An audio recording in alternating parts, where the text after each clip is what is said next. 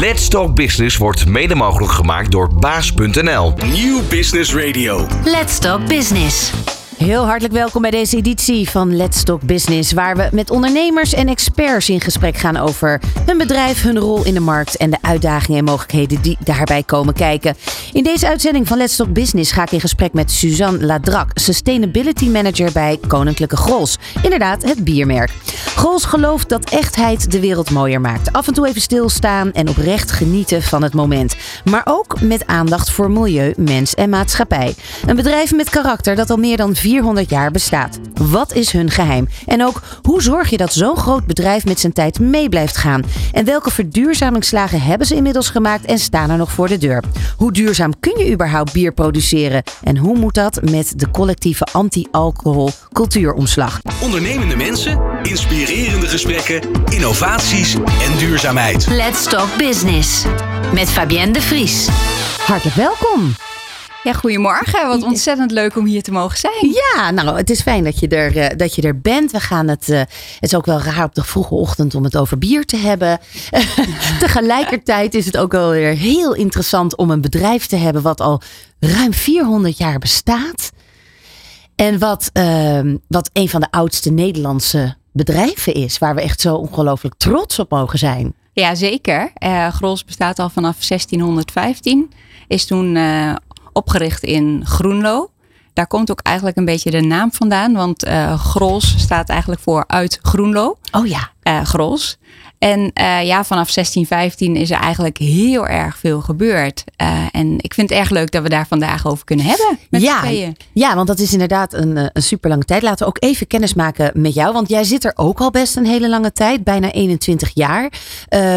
De basis van jouw achtergrond is engineering, procesengineering, ehm, chemisch technicus. Ja, dat klopt. Ja. Wat, wat, wat, eh, hoe ontstond dat? Even los van toen je bij Grols ging werken. Wat is jouw aantrekkingskracht met, met techniek? Nou, ik ben al geboren en getogen in Enschede. En mijn ehm, lagere school zat in de rook van de brouwerij. Eh, want de brouwerij stond in het midden van de stad. Ehm, en na de lagere school, middelbare school, ben ik naar Universiteit Twente gegaan. En ik wilde eigenlijk wiskunde studeren. Alleen tijdens de introductie had ik die groep gemist. Ben ik bij chemische technologie terechtgekomen en dat ben ik gaan studeren. Ja, want wat sprak je daarin aan? Eh, het praktische samen met het theoretische, maar ook dat je dus echt iets kan maken. Ja. Je kan gewoon door processen te bedenken uiteindelijk echt ja, fabrieken maken, bier maken. Ja, en dat sprak me aan, fascineerde me echt enorm. En nog Het he- steeds. Ja, precies. Het, het hele van A tot Z en de stappen die daartussen zijn. Dus de processen. Maar die kunnen dus heel erg in een bedrijfsvorm zitten. eh, hoe, hoe, hoe dingen de deur uitgaan. Maar die kunnen ook echt in de ontwikkeling van een product zitten. Die zitten eigenlijk in van alles. Die zitten in het eh, maken van het bier zelf. Die zitten ook in eh, het maken van chemie. Ik heb ook een tijdje in de chemie gewerkt. Eh, maar die zitten uiteindelijk ook in het verpakken van het bier. Die zitten overal in. Die zitten in verduurzamen van processen. Het is echt heel erg breed. En daar hoor je heel veel mee. Ja, ik hoor jou zeggen net. eh, ik, ik zat op lagere school in de, onder de rook van eh, de fabriek. Was dat een letterlijke rook? Ruik? Reuk, moet nou, ik zeggen? je, de, de brouwerij, wij zeggen altijd brouwerij. Wij Ja. noemen het geen fabriek. Ja. Op een of andere, eh, ehm, het was letterlijk de geur van bier die je rook in de buurt van de brouwerij. Ja, en tegenwoordig Dus het ruikt het gewoon al niet helemaal meer. geen. oh, van tegenwoordig ruikt het niet meer. Nee, nee, nee. Tegenwoordig, eh, als je bij ons nu bij de brouwerij komt, dan eh, eh, is daar niet meer de bierlucht zoals die vroeger hing bij de Nee. oude brouwerij in het centrum van de stad. Dus de scholieren kunnen niet meer onbewust positief geïndoctrineerd worden met bierlucht. Nee, op dit moment bij onze brouwerij kan dat niet. Nee, precies. Ehm, eh, brouwerij, een heel bewuste keuze qua naam voor waar het gemaakt wordt. Eh, waarom? Omdat het gezien wordt als een, echt een ambachtelijk proces. Eh, daarvan ook de slogan, hè, vakmanschap is meesterschap. Eh, toch nog, eh, ja, het brouwen van het bier is ambachtelijk met goede grondstoffen. Eh, maar ook met mensen die weten wat ze doen. En die uiteindelijk er met z'n allen naar streven om een kwalitatief prachtig bier in de markt te zetten. Ja. En vandaar dat we het brouwerij noemen en niet een willekeurige fabriek. Even vanuit de chemie gezien. ehm, wat is de grootste verandering van, het, van de samenstelling van bier? Eh, als je kijkt naar, nou ja, door vier eeuwen heen. Ja, die is eigenlijk heel erg beperkt. Want eh, de het grondstoffen bier van van, toen? bier zijn nog steeds mout, hop en water. Ja. En er wordt gist gebruikt voor het vergisten van het bier en uiteindelijk produceren van de alcohol. En die ingrediënten die zijn eigenlijk al jaren hetzelfde. Ja. Nou is er, en daar gaan we het straks natuurlijk ook wel over hebben, maar er is natuurlijk een enorme ehm, verandering in het alcoholgebruik gekomen. Ehm, er zijn, ze zijn echt nog steeds bezig om dat bijvoorbeeld bij wijnen echt te fine-tunen. Om echt een lekkere wijn. Vooralsnog is dat bij wijn, moet ik eerlijk bekennen. Ik ben meer een wijndrinker dan een bierdrinker. Geef ik even bij deze aan de luisteraars toe. Eh, maar is dat echt slecht gelukt? Ehm, dat, dat, dat alcohol is bijna een onvervangbaar eh, middel. Ehm, is dat, geldt dat voor bier ook? De alcoholvrije bieren worden steeds beter. Eh, ik moet eerlijk zeggen, als je de bieren vergelijkt die 20 jaar geleden op de markt waren, alcoholvrij, ten opzichte van de bieren nu, sma ze, ze smaken zoveel beter dan dat die toen was. En eh, wordt daar ook steeds meer onderzoek naar gedaan. En zijn we ook continu bezig om die smaken te verfijnen, beter te maken. En ook om de variëteit in alcoholvrije bieren groter te maken. We hebben niet meer alleen pils, maar ook de speciaalbieren, zoals een Weizen, zoals een herfstbier, een zomerbier. Ook die zijn zonder alcohol verkrijgbaar, zodat je ook steeds een bredere portfolio hebt om uit te kiezen als Ja. alternatief. Ja. Nou staat Grols bekend om een soort eigenzinnig karakter. Ze zijn eigenwijs en het is stoer. En waar is dat altijd zo geweest? En waar blijkt dat dan verder uit? Ja, die gaat al heel erg ver ook in de historie. Ehm, met eh, de twee soorten hop in het bier. Dat is eigenlijk al vanaf het ontstaan door Willem Neerveld. Maar ook de beugelfles. Grols is de Nederlandse brouwer met een retour beugelfles eh, in de markt waar het pils in zit. Dat is ook een unieke fles voor de Nederlandse markt. En ik denk als je meer kijkt naar de laatste jaren. Hè, ik werk 20 jaar bij Grols, dat zei je net al eh, even. ehm, dan zie je ook dat we ons heel erg onderscheiden door innovaties en dingen die we doen. En soms doen we het ook gewoon. En ja, dan, Om te kijken hoe het valt. om te kijken hoe het valt. En lukt het, dan is het prachtig. Ja, En soms lukt het niet en dat kan ook. Het is wel mooi hè, want inderdaad eh, eh, bruine, eh, bruine flesjes, groene flesjes. Wat is het verschil? ehm, wat, drinkt dat anders? Is het, heeft dat nog een effect op hoe je iets beleeft qua smaak? Nou, de smaakbeleving in een, vanuit pils in een groene fles is wat frisser dan als je pils drinkt uit een bruine Bruin. fles. Ja. Dus dat Dat is de smaakbeleving. Ja, ja, als je heel erg vanuit de techniek kijkt, eh, maakt het niet Niks uit. uit. Glas is Er glas. zit hetzelfde bier in. Ja, precies. Ehm, toch ook nog heel even, want ik denk dat veel mensen die plop van een, een beugelflesje wel eh, kunnen herkennen. Dus echt Nederlands ontwerp. Nederlands eh.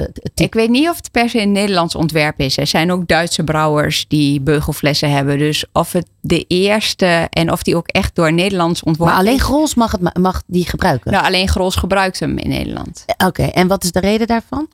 Ja, dat is eh, eh, de Theo de Groen die heeft gezegd... joh, ik bepaal zelf wel in welke fles ik mijn bier doe. Ja. En die heeft de beugelfles toen eh, geïntroduceerd. ja. En, en het ploppen, heeft dat nog, is daar, ik neem aan dat daarover nagedacht is. Nou, het ploppen is gewoon een mooi moment. En wij gebruiken het ploppen ook voor festiviteiten. Ja, Dus als wij projecten hebben waarmee we een milestone bereiken... of nou ja, in Dan plop je champagne. Dan ploppen wij met een beugel. Ja, en, en, en met een biertje plop je. Ja, Ja, precies. Ja, ja. Het is natuurlijk zo'n heel kenbaar moment. Ehm, ik ben helemaal eh, niet zo, wat ik zeg, niet bier drinken. Maar als ik naar de bioscoop ga, neem ik altijd een biertje. Ja, lekker. want dat plopje hoort erbij. Ja, ja heerlijk. Ja, mooi. Ehm, nou, jij bent ehm, ook echt, jij bent sustainability manager. Wanneer is sustainability voor Grols daadwerkelijk echt belangrijk geworden, dat hoog op de agenda kwam? Ehm, het, is eigenlijk al eh, nou, even een stukje terug. Eh, we hebben in 2004 een nieuwe brouwerij in gebruik genomen. Eh, die hebben we zelf gebouwd eh, bij Enschede in de buurt. En dat is ook het moment waarop ik zelf bij Grols ben gaan werken. En vanaf het moment dat we daar ehm, onze bieren brouwen en afvullen, zijn we al heel erg druk bezig geweest met water en energie. eh, het managen daarvan, maar ook zorgen dat we dezelfde hoeveelheid bier maken, maar daarvoor minder water en minder energie nodig hebben. Dus dat is eigenlijk al een stapje naar duurzaamheid. Want wat was toen wat er opviel? Waarom, dat, waarom daarnaar gekeken werd? Ehm, vanuit, uh, wel vanuit een duurzaamheidsperspectief. In de zin van, ja, waarom zou je verliezen hebben die je niet nodig hebt? Dus het reduceren van verliezen. En ook omdat we daar uh, een goede geoutilleerde brouwerij neergezet hadden. Waarbij we veel meters hebben en we het ook konden. Ja. Uh, dus het, het is het een en het ander. En omdat je, als je, je weet gewoon, als je iets nieuws neerzet, is er altijd ruimte tot optimalisatie. Precies. Dus we hebben daar mooie stappen gemaakt. Um, in 2008 is Grols vanuit een familiebedrijf overgenomen door SAB Miller. En werden we in één keer onderdeel van een multinational. Toen is de urgentie op water- en energiereductie ook echt wel uh, vanuit de grote SAP Miller ingezet. En hebben we daar echt nog veel grotere stappen gemaakt. Um, en uiteindelijk hebben we ons verbruik ongeveer tot 30 procent, MERT 30 procent weten te reduceren ten opzichte van het moment dat we de brouwerij geopend hebben. Dus we hebben daar grote stappen gemaakt in uh, minder water, maar ook minder energie. Ja. En uh, vanaf 2016 zijn we onderdeel van Asahi, een Japanse brouwer. Um, en duurzaamheid is nu niet alleen meer water en energie, maar de duurzaamheidsagenda is veel breder. En die gaat ook over CO2-emissies, energietransitie. Uh, maar zit ook in uh, de mens, diversiteit, inclusiviteit, maar ook een stukje verantwoord alcoholgebruik. Ja, dat is uh, wat alle eh, bedrijven vandaag de dag zouden moeten doen. Dus daar gaat het uh, in mee. Als je dan toch te maken hebt met een, uh, met een familiebedrijf waar eigen gebruiken zijn, eigen bedrijfscultuur is. En dan word je in eerste instantie natuurlijk al door een multinational overgenomen. Daarna ook nog eens Azië die ja. zich ermee gaat bemoeien. Wat doet dat met, met, met een bedrijf? Nou, is eerst echt wel heel even wennen. dat de uh, directie, directeuren, maar ook andere collega's in één keer geen Nederlands meer spreken. Um, dat ook sommige mensen je naam niet meer weten. Want in een familiebedrijf was het toch wel heel erg. Iedereen kent elkaars naam. Uh, directeuren kennen de namen. Dus dat is echt wel een omslag geweest. Plus een hele erge druk op performance. Uh, en dat is echt de cultuur van familiebedrijf naar multinational. En wat we nu zien bij de Japanners uh, met uh, de overname door Asahi, is dat we wel ook weer heel erg naar de lange termijn kijken. Ehm, weinig directe Japanse betrokkenheid. Ehm, veel gewoon Nederlands, maar we, we, hebben ook nog gewoon collega's uit andere landen. Want Asahi heeft in Europa ongeveer 17 brouwerijen. Dus we zijn daar niet de enige. We hebben daar nog allerlei broertjes en zusjes. Mm-hmm. En ook uh, collega's in andere landen zitten. En er zitten dus ook mooie dingen aan. Want je kan ook met elkaar dingen delen. Of ja. uh, als je uh, problemen hebt, kan je hulp vragen. Maar goede dingen die jij gedaan hebt, kan je weer delen. Zodat andere collega's dat ook kunnen implementeren ja. bij hun brouwerij. Kun je daar een voorbeeld van noemen? Ja, een van de, van de voorbeelden is bijvoorbeeld die, de energietransitie die wij op dit moment uh, doormaken. Waarbij we ons aardgasverbruik behoorlijk gereduceerd hebben. En we hebben daar in 2019 al een studie gedaan uh, wat de verschillende mogelijkheden waren om dat aardgasverbruik naar beneden te halen. Uh, waarbij we gekeken hebben naar allerlei verschillende alternatieven. Waterstof, biomassa, elektrische boilers. Nou, noem maar op, allerlei technieken. En die studie die is vervolgens ook voor alle brouwerijen in Europa uitgevoerd met dezelfde methodiek. Dus zo hebben we bij Grols iets neergezet, wat vervolgens ook bij de andere brouwerijen uh, geïmplementeerd is. Ja, mooi.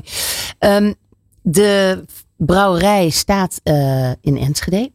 Uh, en daar is toch, en dat weten misschien heel veel Nederlanders niet, daar is een waterprobleem. Let's Talk Business op Nieuw Business Radio.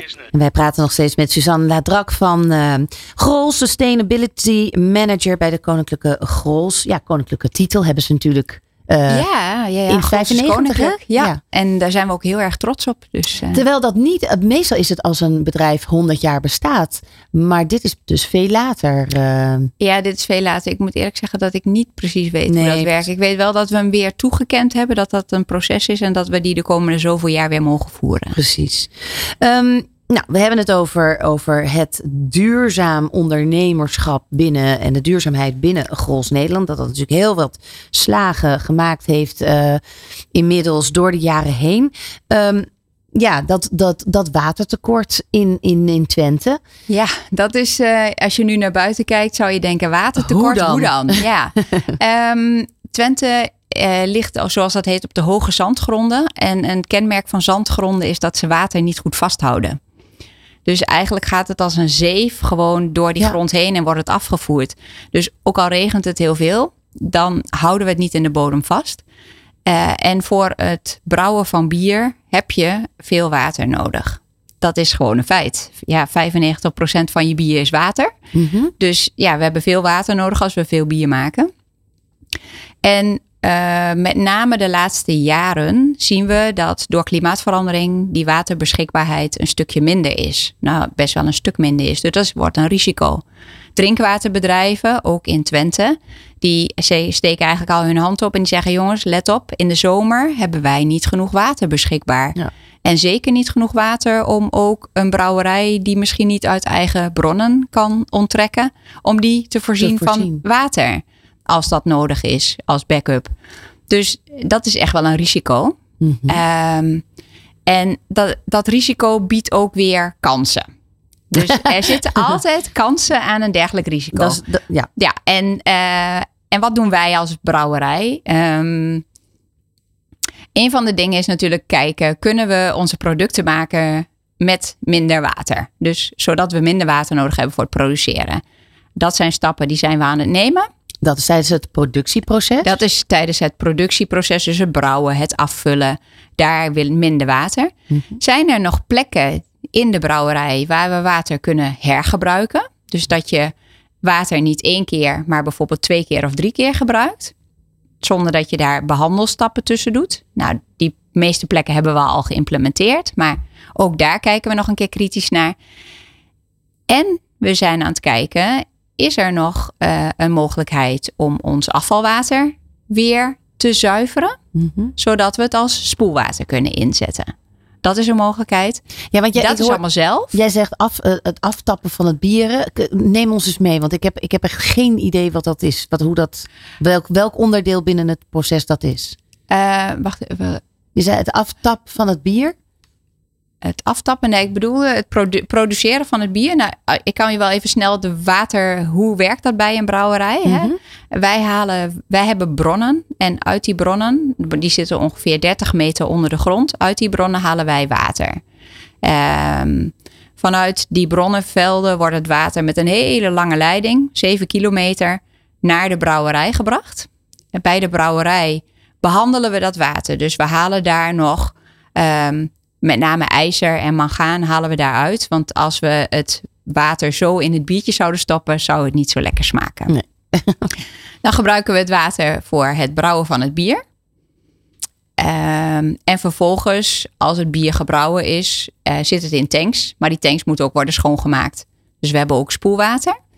Um, en bij het afvullen van het biertje in een fles of in een fust moeten ook de flesjes en de fusten worden gereinigd. Dus ook daar hebben we eigenlijk spoelwater. En dat spoelwater is afvalwater. Eigenlijk wat je thuis ook naar je riool doet, wat door je doucheputje gaat. En dat water, dat bij de brouwerij, nou zuiveren we dat nu. We halen daar uh, zeg maar 80, 85 procent van de viezigheid, die halen we eruit. En het laatste stukje wordt nu gedaan door de waterzuivering van de gemeente, ja. dus van het waterschap. En dat laatste stukje zouden we ook zelf kunnen doen. Mm -hmm. En het water dat daar dan bij vrijkomt, het schone water, zorgen dat we dat weer maken, zodat we dat weer kunnen gebruiken voor het spoelen van onze leidingen. Zodat je je water dus intern bij de brouwerij opnieuw kan gebruiken. Ja, ja, dat zou natuurlijk prachtig zijn. Dat het to totaal self-sustainable wordt. Ja, maar dat we dus niet het bier ervan brouwen. Nee. Maar dat we het puur gebruiken als water voor het spoelen. Ja. Dus daar zijn we nu mee bezig. En daarnaast zijn we samen met het waterschap uh, Vitens, onze drinkwaterleverancier, maar ook Universiteit Twente, Saxion, gemeente Enschede, met best wel een groot aantal partijen, zijn we een initiatief gestart. Dat heet de Twentse Golf. Mm -hmm. En de ambitie van de Twentse Golf is om waterschaarste in Twente op te lossen. En ervoor te zorgen dat we in de toekomst voldoende water hebben voor iedereen in Twente. Ja. En dat kan alleen door samen slimme dingen te doen. En het is een kennis- en innovatieagenda. We werken daar ook met verschillende uh, innovatieve bedrijfjes in Twente. Um, die ook allemaal tot doel hebben om dat waterprobleem aan te pakken. Ja. En een leuk initiatief daarvan is bijvoorbeeld van, een, uh, van het waterschap samen met Jotum. En die hebben een, ze noemen het een Blue Elephant ontwikkeld. En eigenlijk is dat een grote bal, twee, twee meter, drie meter hoog.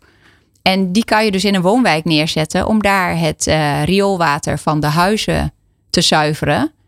Waarna je het water gewoon weer in een beekje kan laten lopen, omdat het zo schoon is. Oh, wow. Dus dit zijn voorbeelden ja. die we allemaal meenemen daar in de Twentse Golf. Ja, want er moet echt een andere kijk op water daardoor komen. Is, zit hem dat alleen in het hergebruik ervan en in het, en, en in het schoonmaken ervan? Nee, het, het zit ook in reduceren van je gebruik. Uh, ook thuis. Hè. Uh, kijk thuis maar eens kritisch of je je watergebruik kan reduceren wat wij bij de brouwerij doen, zou eigenlijk iedere burger uh, thuis is, ook eens moeten doen. En met name in periodes dat water schaars is. Hm. Um, en in de samenwerking, um, je moet ook kijken, want je hebt eigenlijk één groot bak met water in de hele regio beschikbaar.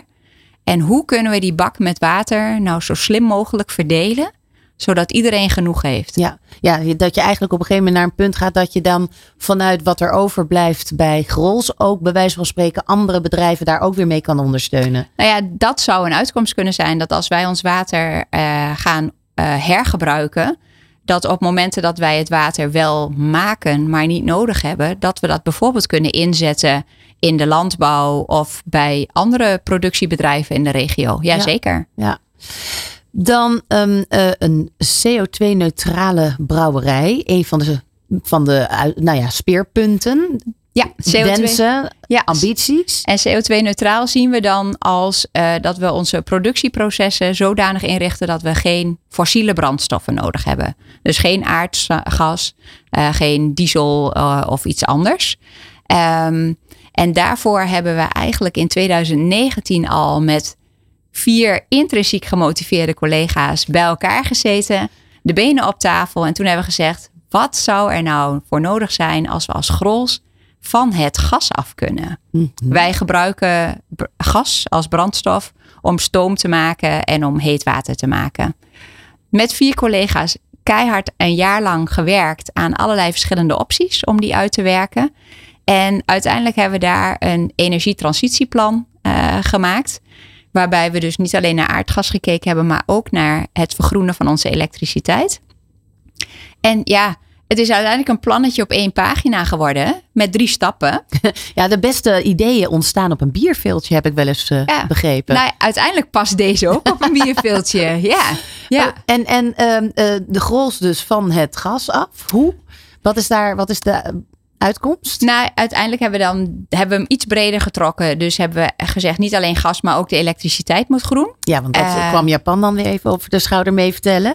Uh, goed bezig jongens, kijk ook naar... Nee, elektriciteit hebben, hebben we ook meegenomen. Ja. Uh, en de eerste stap was eigenlijk de elektriciteit omzetten naar volledig groene elektriciteit. elektriciteit van windmolens.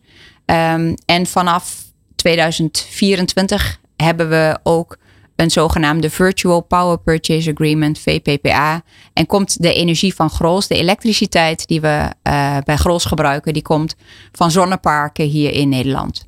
Dus die zonneparken worden momenteel gebouwd. En vanaf 1 juli 2024 krijgen wij daar de groene elektriciteit van. Mooi. Dat is de eerste stap. Uh, de tweede stap is dat wij um, warmte gaan afnemen van Twents. En Twents is een regionale energieproducent. En die maken heet water, warmte in de vorm van heet water. En dat doen zij met behulp van biomassa. En dat hete water transporteren ze naar Grols. Dus het hete water komt van Twents naar Grols. Wij halen daar warmte uit, dat wij weer gebruiken in onze processen. En vervolgens gaat het afgekoelde warme water naar de stad Enschede, waar het nog weer gebruikt wordt voor de stadsverwarming. Ja, dus dan heb, op die manier heb je dus dan geen gas nodig om het, om het water op te warmen. Nee, nee, dat klopt. Dus wij gebruiken de warmte van Twente om ons eigen water op te warmen.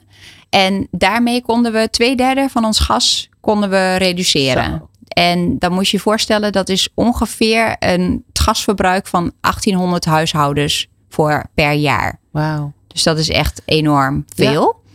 Eh, en nu hebben we nog een klein staartje aardgas over. Want ja, wij maken nog stoom. Eh, en we zijn nu met verschillende partijen aan het kijken. Hoe kunnen we nou met duurzame warmte of duurzame energie die stoom maken? En de plannen liggen er. We weten wat we moeten doen. We weten hoe we het moeten doen. En nu is het een kwestie van ja, het presenteren in de organisatie. En dan zorgen dat we daar ja, zo snel mogelijk de goedkeuring voor krijgen om het ook daadwerkelijk te gaan implementeren. Maar daar zit dus een stuk innovatie. Ja, daar zit een stuk innovatie. eh, daar zit een stuk dingen net even anders doen dan je zou verwachten. En een stukje. Aan jou te merken mag je daar nog niet over praten. Nou, ik ga daar niet te veel over zeggen. Nee. Even iets anders. Als je, ehm, eh, want jullie zijn dus heel goed naar jezelf aan het kijken van wat kunnen wij anders doen.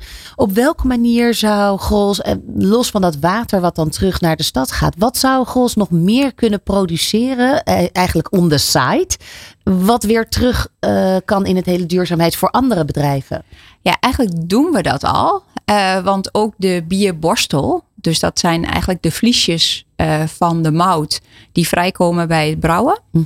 Die bierborstel die eh, gaat naar de veestapel. Dus die gaat, wordt gebruikt als veevoer voor de koeien, voor de varkens. en, eh, en ook daar hebben we wat slimmigheidjes in gebracht. Dat, ehm, dat de mout, dat, dat is dus eigenlijk onze grondstof, die komt aan in een hele grote vrachtwagen. Die vrachtwagenchauffeur die lost die mout bij ons, zo gaat de mout in de installatie. En vervolgens rijdt hij één deurtje verder. En daar wordt de borstel, die vliesjes, die wordt vervolgens in die lege vrachtwagen gestort. Zodat die, die vrachtwagen weer vol Door met die bierborstel door kan rijden. Dus we maken daar ook geen lege kilometers. Nee, Dat is ook een stuk verduurzamen. mooi. Ja, ja. Mooi, ah, dat zijn toch allemaal weer dingen die je dan niet weet hè, over, over bier. Ehm, jullie doen nog veel meer, dat is, eh, dat is mooi. En daar gaan we het zo verder over hebben. Want we hebben nog een verpakking waar ontzettend veel in veranderd is. Er, zijn nog, er is nog transport waar veel veranderd in is. Dus eh, wil je nog meer innovatie horen bij een van de oudste, mooiste Nederlandse trots eh, bedrijven die we hebben? Blijf dan vooral luisteren. Dit is Nieuw Business Radio. Let's Talk Business. Bier, dat is waar we het over hebben. Nou, niet helemaal.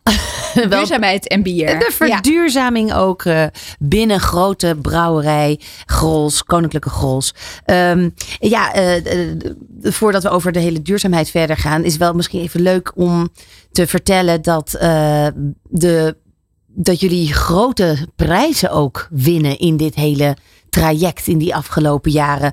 Ehm, wereldtitels van de World Beer Awards. Ze hebben 13 awards gewonnen vorig jaar. Ja, dat klopt. Eh, bij de World Beer Awards. En, en eh, nou, in de grande finale maar liefst twee wereldtitels. De Grols Krachtig Kanon. Ehm, heeft weinig met eh, alcoholvrij eh, bier te maken in dat opzicht. en de Grols Puur Weisse. Ehm, nou, dat eh, mogen zich weer een, een jaar lang beste bier van de wereld in- binnen hun categorie noemen. Ehm, ja, dat, eh, eh, wat, wat, doen, wat, wat doen dat soort prijzen? Is dat op een gegeven moment ook wel een soort. Ik probeer even binnen de organisatie dan mee te denken. Dat dat toch ook wel weer. Los van dat het energie geeft als je een prijs wint. Maar dat dat ook wel een drijfveer is. Het is een eh, prachtige erkenning voor de mooie bieren die we maken. En, en ook voor de mensen die er dag in dag uit. En niet alleen met het brouwproces en het ontwikkelen, maar ook die met veel passie het bier verpakken en vervolgens ook transporteren. En alle mensen die daar ondersteunend werken. Dus Ja. het zijn gewoon mooie erkenningen dat je gewoon goed werk aan het doen bent. Ja, die, die, ehm, dat palet hè, de, van, van verschillende bieren en de ontwikkeling daarvan. Ik zie dat dan ook even als een soort eh, creatief proces. En dat wil nog wel eens schuren met duurza- duurzaamheidsdoelstellingen. Ja, dat is, een, eh, dat is natuurlijk altijd een, eh, een balans. Hè? Want wil je alleen maar focussen op duurzaamheid of alleen maar focussen op je eh, op je mooie bieren. Uiteindelijk is het, is het een balans, want onderaan de streep moet je een duurzaam bedrijf zijn. En duurzaam is niet alleen duurzaam in de zin van CO2-emissies, maar is ook financieel duurzaam. Ja. Dus, dus daar zit altijd Ja, een balans. En de prachtige bieren. Het bier moet wel lekker blijven en het moet wel Nou, ik denk dat origineel blijven en vernieuwen.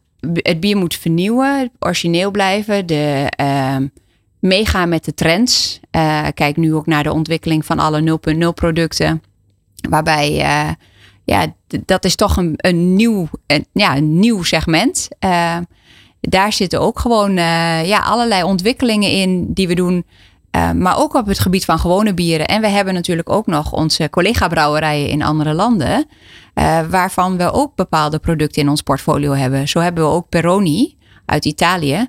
En worden ook de Poolse bieren Tiski en Leg bij ons gebrouwen en afgevuld. Ah. We hebben, je hebt wat meegenomen ook, ehm, want we gaan het even over de verpakkingen hebben. Het reduceren van plastic daarin en ehm, oude kratten gebruiken jullie. Ja, ja, ja. Nou, Misschien moeten denk, we even hiermee beginnen. Ik heb het namelijk iets, ja, dat, ik weet niet of je dat kan horen. Dat, dat is, wacht even. Dit is een soort raad het geluid. Let op, Deze- even zelfs. Ja, wat zou dat? Dat zou een goede zijn, hè? Voor raad het geluid. ik zeker Ik doe weten. hem nog een keer. Ik doe hem nog een keer. Ja, Nou, jij mag uitleggen wat dit is. Dan kan, Ja. niet meer, kan dit niet meer meedoen. Dat is dan wel jammer. Nee, het, eh, het geluid wat jullie eh, net hoorden is van een plastic festivaltray. En die wordt gemaakt van gerecycled plastic. Het is een, eh, ja, het is een soort schijf met drie gaten die je kan openen tot een kruis, waar dan vervolgens vijf gaten in zitten. En daarin kan je, als je op een festival bent, jouw be- bekers bier Ja. vervoeren. Zodat dat niet meer in een kartonnen treetje hoeft. Nee. En dit is dus gemaakt van eh, oude kratten. Ja, die is gemaakt van oude kratten. En bij de festivals wordt die, eh, wordt die vaak uitgegeven. En met een statiegeldmunt of iets dergelijks lever je hem daarna weer in. Krijg je de munt weer terug en maken wij hem schoon. En kan die bij het volgende festival weer mee. Ja, heel leuk. En hij past in je broekzak. ja, dat is nou, ook heel fijn. Ik wou net zeggen, ja, je, hij is zeg maar twee keer de lengte van je telefoon. Ehm, eh, dus hè, dat is, maar, wel- maar wel ongeveer dezelfde breedte. Dus je kan hem inderdaad in je broekzak eh, zo achterin Ja, stoppen. ja, voor de koffiebekers wordt die ook wel eens gebruikt. Ja, ja, dan heb je wel grote, een large koffie. Ja. En dan eh, heb je ook een, een, een treetje pils meegenomen. Althans, Grols alcoholvrij bier, 0.0. Ehm, met een papieren. Want, want eh, als je kijkt naar plastic, hè, normaal gesproken zit dat in van die plastic. Dat zie ik nog steeds in de supermarkt. Mhm, Zie ik nog ja. heel veel blikjes zie ik in plastic. eh, ja, samenhouders, Mhm. laat ik het maar even zo noemen. Waar, waar zit allemaal het plastic als het gaat om blikjes en het vervoer ervan? Nou, eigenlijk zit er op echt wel heel erg veel plastic. Niet als directe verpakking van bier, maar met name als verpakking om de verpakking. Eh, en sixpacks zitten vaak volledig in plastic. Eh, of bier op treetjes met bijvoorbeeld 24 blikjes, waar dan vervolgens plastic omheen zit. En willen wij het vanuit de brouwerij goed kunnen transporteren, zit er ook om een grote pallet weer plastic. Ja. Want je moet je voorstellen dat anders die losse treetjes er in een vrachtwagen af gaan vallen. En plastic reductie staat ook hoog bij ons op de agenda om daar echt grote stappen in te maken. En het eerste wat we gedaan hebben is eerst eens kijken van, ja, waar gebruiken we eigenlijk nog plastic waar het eigenlijk niet nodig is? Is een beetje beroepsdeformatie. Hè? Dit is eigenlijk een beetje van, ja, we hebben het altijd zo gedaan. Eh, maar kijk nou eens kritisch naar al je producten en waar kan je plastic weglaten. Dat was de eerste stap. De tweede stap was dat we gekeken hebben naar daar waar je dan nog wel plastic nodig hebt. Kun je dan gerecycled plastic gebruiken in plaats van nieuw plastic? Ook daar hebben we hele grote stappen gemaakt. En aanvankelijk onze sixpacks, eightpacks ook voorzien van 100% gerecycled plastic. En ook de treetjes.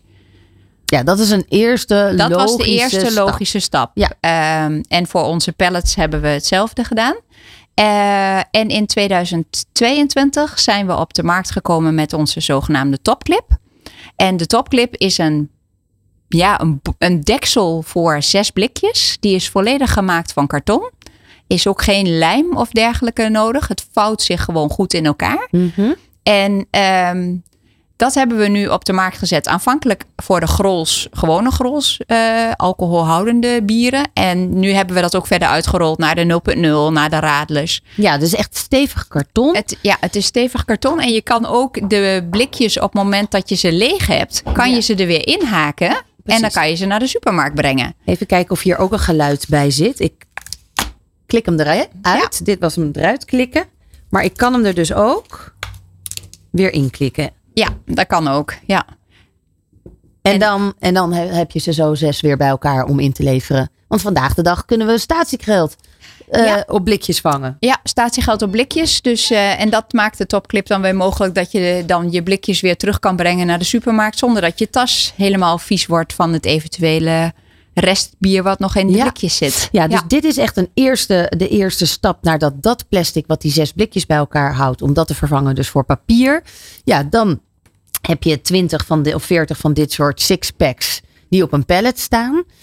Die moeten dan ook nog een soort van blijven staan op een pallet? Ja, de, uh, de hoezen van het plastic om de pallet, uh, die zijn nu nog van uh, gerecycled plastic. Uh, en we zijn daar natuurlijk ook aan het kijken naar andere oplossingen. Ehm, of dat misschien van papier of iets dergelijks kan. Maar dat is, zijn wel dingen voor meer voor de toekomst. Ja, toch weer meer in, in ge, ja. uh, gerecyclede dozen. Ja, en, en wat we ook vaak vergeten is dat um, bier uh, en ook de producten van Grols al heel erg veel in hergebruikte verpakkingen zitten.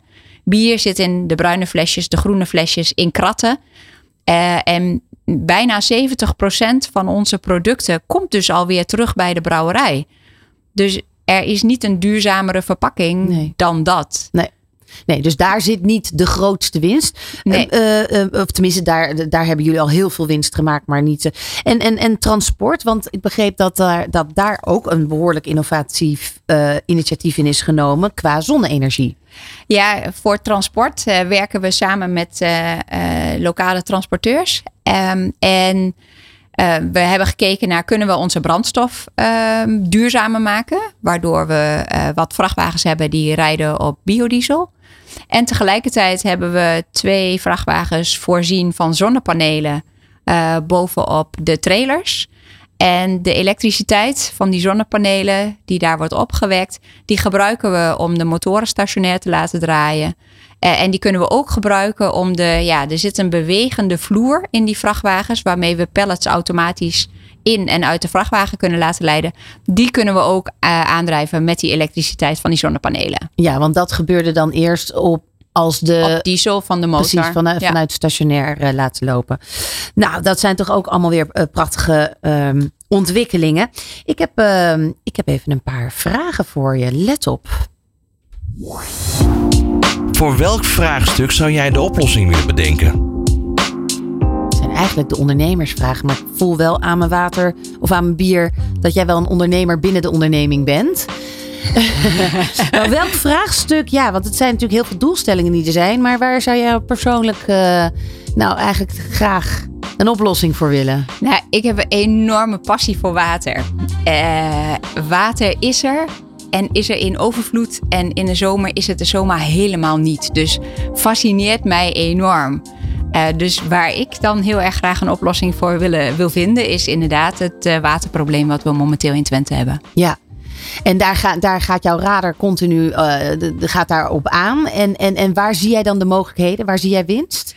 Uh, ja, ik zie winst in het hele brede spectrum. Ik zie winst bij verschillende bedrijven met innovatieve technologieën. Ik zie winst bij de burger. In de zin van ja, toch minder water gebruiken, slimmer water gebruiken. Uh, woningbouw, daar kunnen we ook allerlei stappen maken. En ook dom, soms door dingen maar gewoon te doen. Ja, maar dat is een hele maatschappelijke. Uh, want daar dat zo, zo, gewoon dingen doen, zo staat Grols ook bekend. Ja, hè? Dat, dingen dat, dat doen. Echt uh, gewoon aanpakken en uitproberen enzovoort. Ehm, maar daarin nemen jullie ook, of neem jij dan, als je vanuit jezelf spreekt, dan een hele maatschappelijke rol in, waar je gemeente en van alles en iedereen bij nodig hebt. Um, is daar in zo'n multinational wat daar boven hangt, is daar ruimte voor? Ja, want um, onze ja, creating meaningful connections. En dat is eigenlijk ja, je bent niet alleen op aarde, maar je hebt ook anderen nodig uh, om met elkaar deze aarde duurzamer te maken. En ook voor de lange termijn uh, te borgen dat het allemaal goed gaat.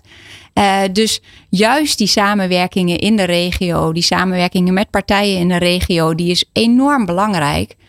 Om dingen gedaan te krijgen. En ook ons CO2-neutraal project, de Warmte met Twents, is ook een samenwerking in de regio.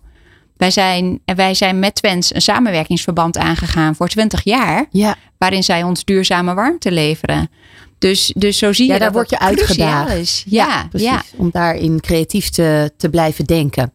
De volgende komt. Welk vakjargon staat je tegen? Schaalbaarheid, kosteneffectiviteit, uitdagingen, oplossing, probleem, duurzaamheid, innovatie. Nou, die laatste twee natuurlijk niet. Maar zijn er.